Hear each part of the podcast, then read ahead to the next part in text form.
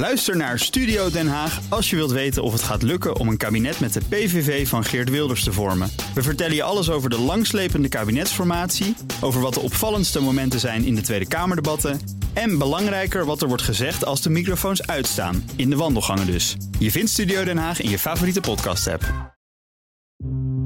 Wat hier te zien was, was enorm. Er waren duizend personeelsleden verzameld in het restaurant. En er heerste een, een enorme, uh, enorme slechte sfeer. Het was, mensen waren boos, mensen begrepen het niet, mensen geloofden het niet. hoe kan dit ziekenhuis na 40 jaar zomaar failliet gaan? Niet elk ondernemersavontuur eindigt met een notering in de quote 500. Niet elk bedrijf overleeft een flinke crisis. Niet elke onderneming weet het financiële spel goed te spelen. En als alles misgaat, als de chaos regeert en schuldeisers aan de poort rammelen, dan breekt het tijdperk van de curator aan. In deze serie praten mijn collega Elisa Hermanides en ik, Thomas van Zel, over onvergetelijke faillissementen met de puinruimers van het bedrijfsleven. Dit is Onder Curatoren. Miljoenen Amsterdammers konden er sinds de jaren 70 op vertrouwen dat ze voor goede zorg terecht konden bij het Slotervaartziekenhuis.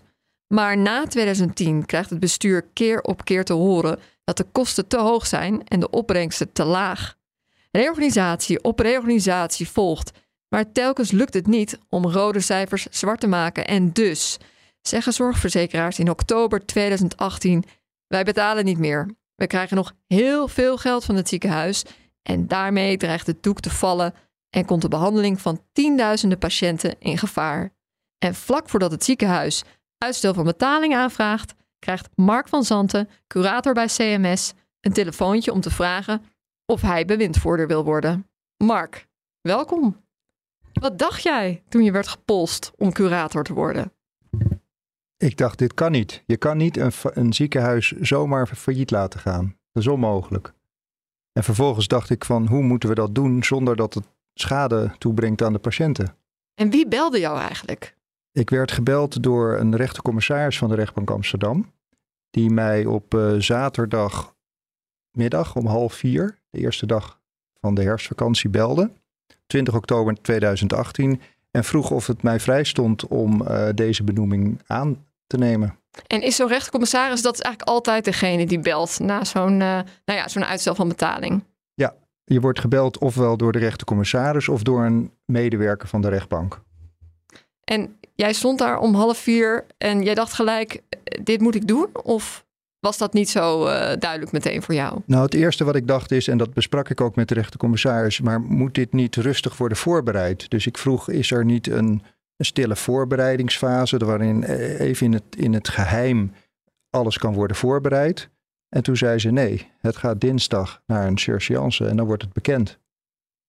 Een surseance? Pardon, dat, dat, wordt dan ook bekend natuurlijk omdat het een ziekenhuis is. Dat wordt meteen een heel politiek spel. Ook een spel wat in de media voor een deel wordt gespeeld. Ja.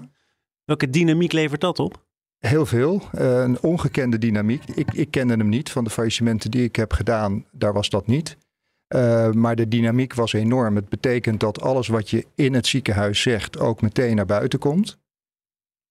Overal werd er aandacht aan besteed en iedereen had er ook een mening over.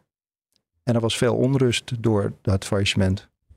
En was er nou meteen al wel bij jou de gedachte van hè, er moet gewoon een doorstart komen van het ziekenhuis? Dat was wel mijn gedachte, omdat je kan niet zomaar opeens de deuren dicht doen van een ziekenhuis. Er zijn patiënten die over een paar maanden nog moeten worden gezien op de polykliniek. En als je dan het ziekenhuis dicht doet, hebben die geen arts. Maar er werd mij ook al meteen gezegd: dit ziekenhuis zal niet kunnen doorstarten. Er is eigenlijk geen plek voor het Slotervaartziekenhuis in Amsterdam. Er zijn genoeg andere ziekenhuizen. En, en door wie werd je dat verteld? Ja, dat hoorde ik van de zorgverzekeraars. Uh, op, het, op dezelfde dag ging uh, eh, MC IJsselmeer ziekenhuizen uh, failliet. En daar werd gezegd: ja, maar daar zijn echt ziekenhuizen die zijn zo belangrijk in de buurt. Die zullen wel moeten doorstarten. Maar bij Slotervaartziekenhuis werd eigenlijk meteen gezegd door alle partijen, zorgverzekeraars, ministerie, ja, dit ziekenhuis zal blijven sluiten. Er was echt een streep door de toekomst van dit ziekenhuis gezet. Ja, ja ik vond dat niet goed. Um, omdat de beste oplossing voor een ziekenhuis dat failliet gaat is de artsen, het pand en de patiënten bij elkaar houden. En dat kan maar op één manier. Dat kan alleen maar in het pand, in het ziekenhuis waar ze waren. Je kan niet alles verplaatsen. Dus ik heb uh, een aantal weken geprobeerd om toch de mogelijkheid te krijgen om te zoeken naar een doorstart. En inderdaad, vanaf 31 oktober uh, mocht ik wel zoeken naar een doorstartkandidaat.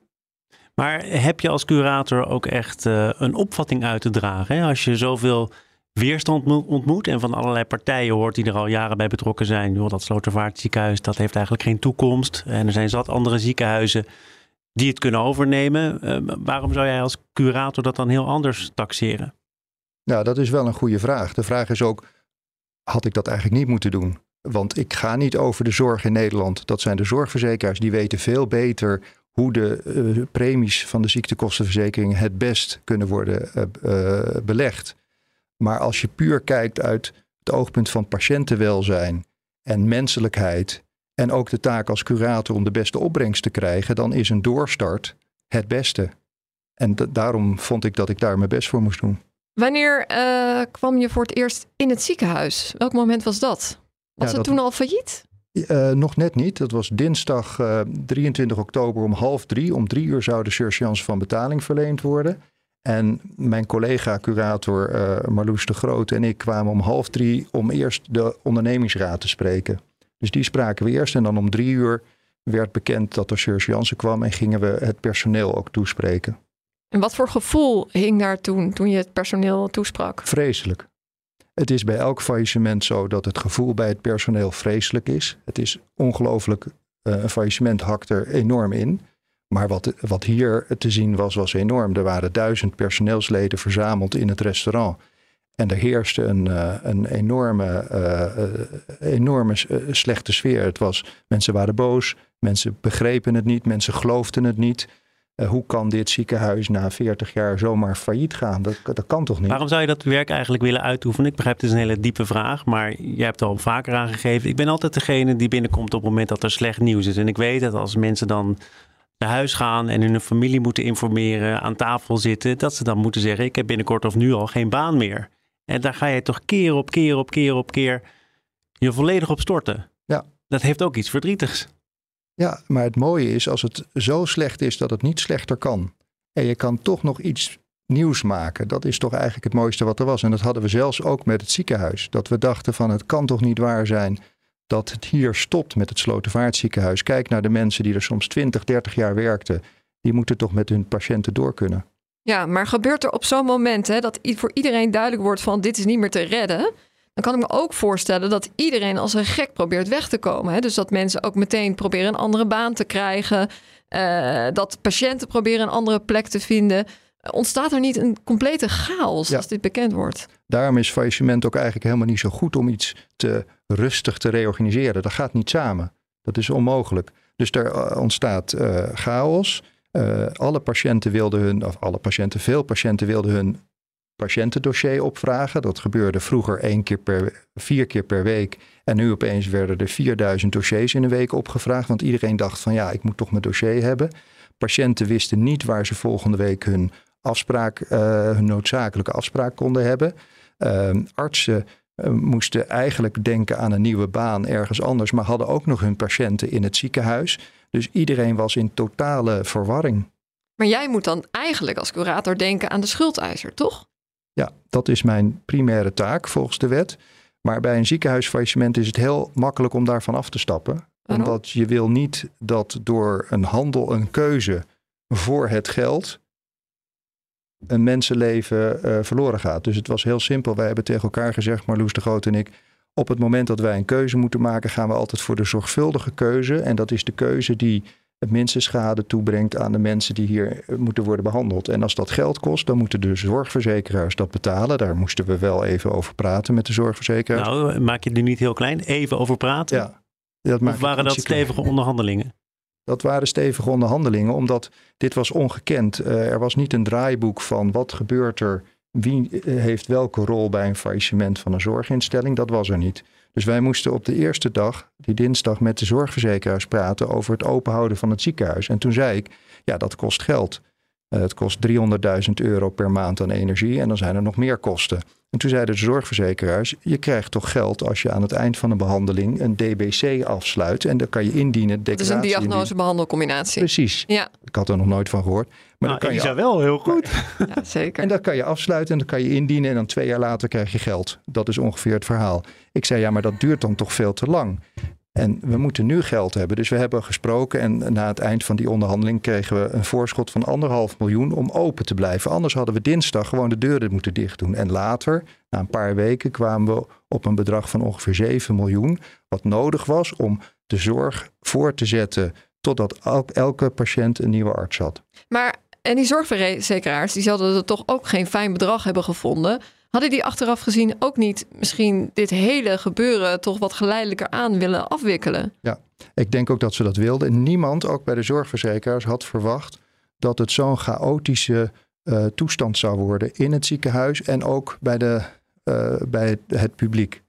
Ik denk dat dat onderschat is, of ik denk dat het gewoon niet zo vaak is voorgekomen. Ja, wat mag je inderdaad verwachten zonder precedent? Je weet eigenlijk niet waar je instapt. Ja, dus dit was onverwacht. Dat hebben de zorgverzekeraars niet kunnen incalculeren. Ik denk dat, uh, dat zie je ook. Daarna is er geen ziekenhuis meer failliet gegaan sinds oktober 2018. Dus je kan ervan uitgaan dat iedere partij die hierbij betrokken is geweest, heeft gezegd: dit doen we dus niet meer op deze manier.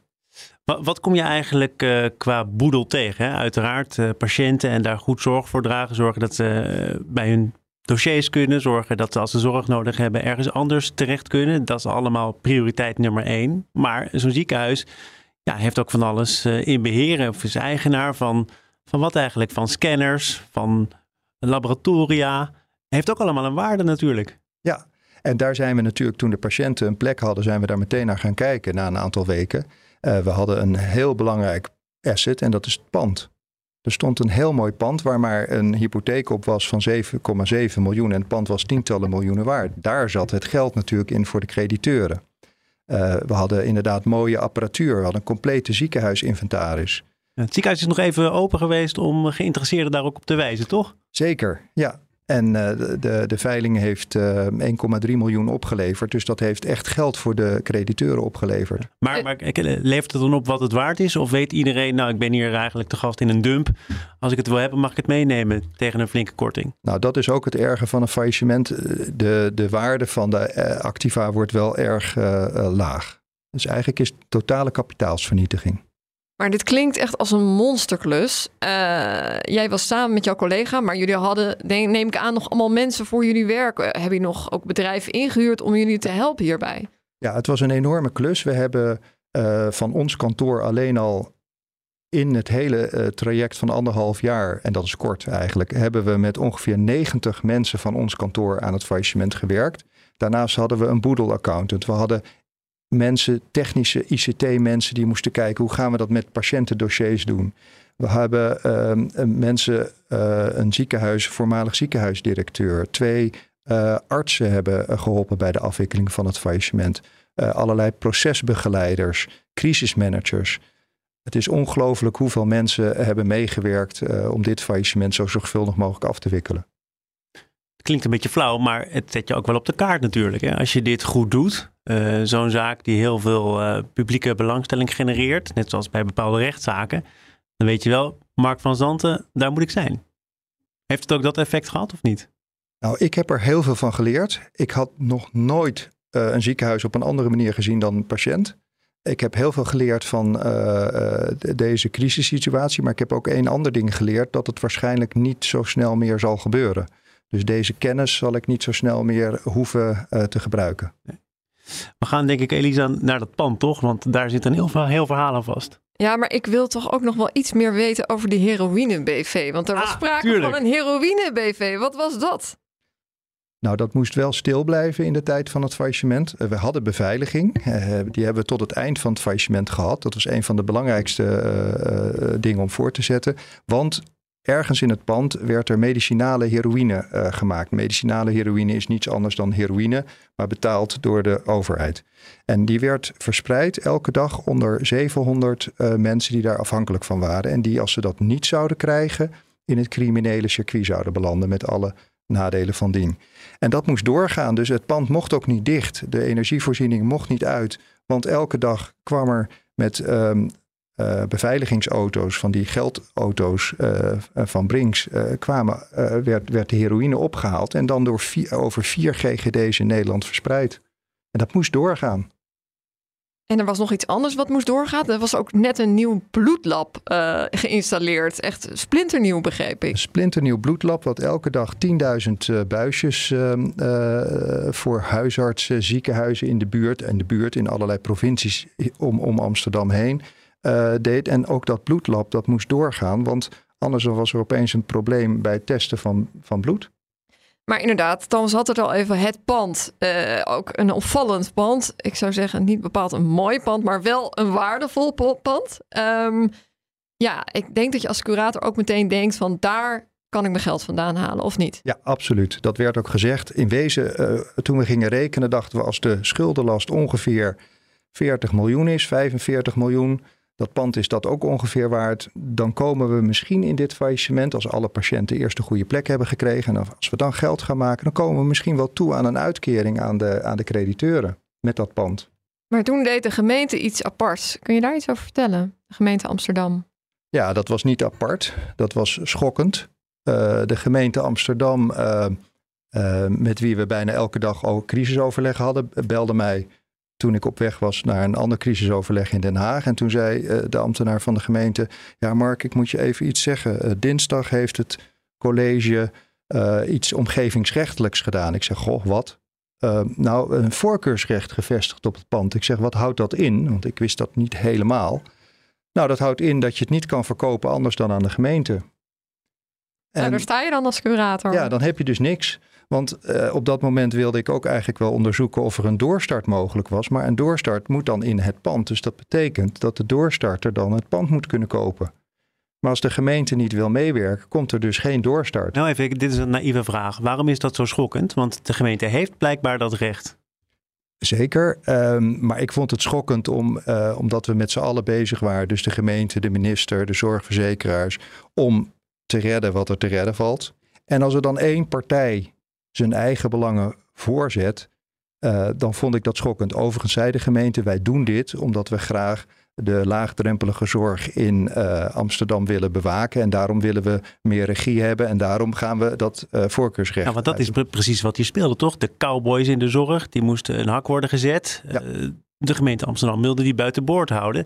Als je die motivering, motivatie hoort, stemt je dat dan ook wat milder? Nee, Nee, ik vond het op dat moment echt een, uh, een handeling uh, uh, waardoor ik als curator niet meer de meest zorgvuldige beslissing kon nemen voor de patiënten.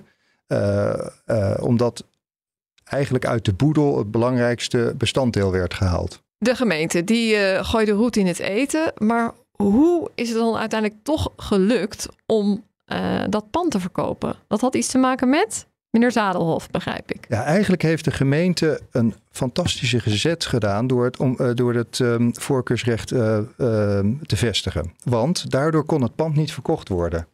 En toen was Zadelhof zo creatief, want die had interesse geuit in het pand en die wilde dat ook kopen, maar dat kon niet. En die heeft toen bedacht, hoe kan ik dan het pand krijgen? En die dacht, als dan het faillissement eindigt doordat alle crediteuren betaald worden of instemmen met een akkoord, dan is de, uh, de vennootschap die failliet was, die wordt weer levend en daar zit dan een pand in. Als ik dan aandeelhouder word van die vennootschap, dan hoef ik helemaal niet met de gemeente wat te doen. Dan is het pand helemaal niet verkocht. Dan ben ik aandeelhouder geworden. Het enige wat ik moet doen is alle schulden betalen. Nou, eigenlijk is dat voor een curator en voor de crediteuren fantastisch. Dus, dus eigenlijk door... een soort trucje. Ja, maar door het voorkeursrecht van de gemeente is eigenlijk het faillissement zo goed geëindigd. Dus we zouden ook dankbaar kunnen zijn voor de gemeente. Maar dat zag je in eerste instantie niet, niet, helemaal. Nee, Hoeveel heeft daar... die saga dan uiteindelijk toch nog wel gekost, of niet? Want het heeft natuurlijk een hoop gesteggel opgeleverd. Kunnen we nu niet allemaal bij stilstaan. Maar eh, de afhandeling gaat toch ook weer wat langer duren. En de kip met de gouden eieren is toch wat moeilijker te slachten, begrijp ik, hè, dat pand? Ja, zeker. Het heeft een jaar langer geduurd. Een jaar langer? Ja, het, wat, het, het akkoord is aangeboden in, op 15 maart 2019. Na dus zes maanden van het vijf maanden na het faillissement. Uh, dan hadden wij natuurlijk wat tijd nodig om precies in kaart te brengen welke schuldeisers er zijn die dus een bedrag moeten krijgen. Dat had ons ook nog wel een paar maanden gekost, maar dan was het klaar. Terwijl nu is het uiteindelijk geëindigd in mei 2020. En ondertussen loopt de rekening natuurlijk ook op. Zeker drie ton per, per maand gewoon door energie. Maar ook nog heel veel andere kosten. Beveiliging, personeelsleden. Wij moesten betaald worden. Al die andere mensen die ons hielpen moesten betaald worden. Dat heeft miljoenen meer gekost. Miljoenen. Maar eigenlijk is het dus uiteindelijk toch een soort doorstart geworden, zou je kunnen zeggen. Of zeg ik dat verkeerd? Nee, niet echt eigenlijk. Wat er, wat er is gebeurd is, er is een centrum voor zorg uh, gekomen in Amsterdam, in, in het ziekenhuis. Het wordt helemaal verbouwd, het wordt echt opgeknapt, het wordt prachtig. Maar het Slotervaartziekenhuis, met alle afdelingen van een ziekenhuis, die, eh, dat is er niet meer. Maar hij heeft wel die BV toen overgenomen, Zadelhof. Dat wel. Ja, hij is aandeelhouder geworden. Ja, precies. Oké. En um, hoe is het uiteindelijk met de schuldeisers afgelopen? Hebben die allemaal toen netjes betaald gekregen? De bedoeling van Zadelhof was in maart 2019 100% te betalen. En Zadelhof ging er toen vanuit, want die had aan ons gevraagd: wat is de schuldenlast? En toen zeiden wij 45 miljoen. Dus Zadelhof zei van oké, wij gaan 45 miljoen ter beschikking stellen om iedereen te betalen. Uiteindelijk, ook doordat het wat langer duurde en omdat je wat tegenvallers hebt als je gaat bekijken wie er nou precies schuldeiser is, was het 55 miljoen. Uiteindelijk is uh, een uh, akkoord aangeboden aan de crediteuren en op basis daarvan hebben alle belangrijkste crediteuren, de boedelcrediteuren, die zijn ontstaan na faillissement, die hebben 100% gekregen. De preferente crediteuren, dat zijn de Belastingdienst en het UWV, die hebben 100% gekregen. En van de concurrente crediteuren, dus de, de schuldeisers laagste in rang, die hebben allemaal over de eerste 5000 euro 100% gekregen. Uiteindelijk heeft 85% van alle crediteuren 100% uitkering gekregen. Dat is echt heel, heel veel. Wat, wat is jou nou het meeste bijgebleven als je terugdenkt aan deze 17 maanden? Oh, dat is wel een moeilijke vraag, want elke dag is me eigenlijk nog bijgebleven. Um, dat iets wat je niet verwacht uh, toch wel eens gebeurt. En wat je niet verwacht is dat als iemand voor een behandeling in een ziekenhuisbed ligt, uh, opeens te horen krijgt van ja, over twee dagen moet je naar een ander ziekenhuis en je arts gaat niet mee. Uh, en dan de paniek die dat bij de artsen teweeg brengt en bij de patiënten teweeg brengt. Nou, dat, dat zal ik echt niet vergeten. Heb je dat bij, bij, bij ieder faillissement? Want uh, voor de luisteraar, er ligt hier een keurige dossiermap op tafel. Maar kan ik jou ook om vier uur s'nachts wakker maken voor alle mogelijke details? Ja. Ik weet, ik ben hier niks van vergeten. Dit, dit, dit heeft, maar het, het gaat natuurlijk niet om, om wat het met de curator doet. Het gaat erom wat het met de patiënten en de schuldeisers doet. Maar zo'n ziekenhuisfaillissement doet ook gewoon wel iets met de curator. Dank, Mark van Zanten, curator bij CMS. Alsjeblieft. Dit was Onder Curatoren. Wil je meer reconstructies horen van faillissementen? Vergeet je dan niet te abonneren.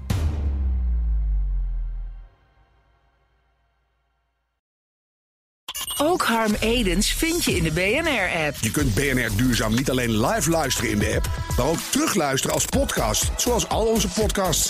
En naast dat de BNR-app Breaking News meldt, houden we je ook op de hoogte van het laatste zakelijke nieuws. Download nu de gratis BNR-app en blijf scherp.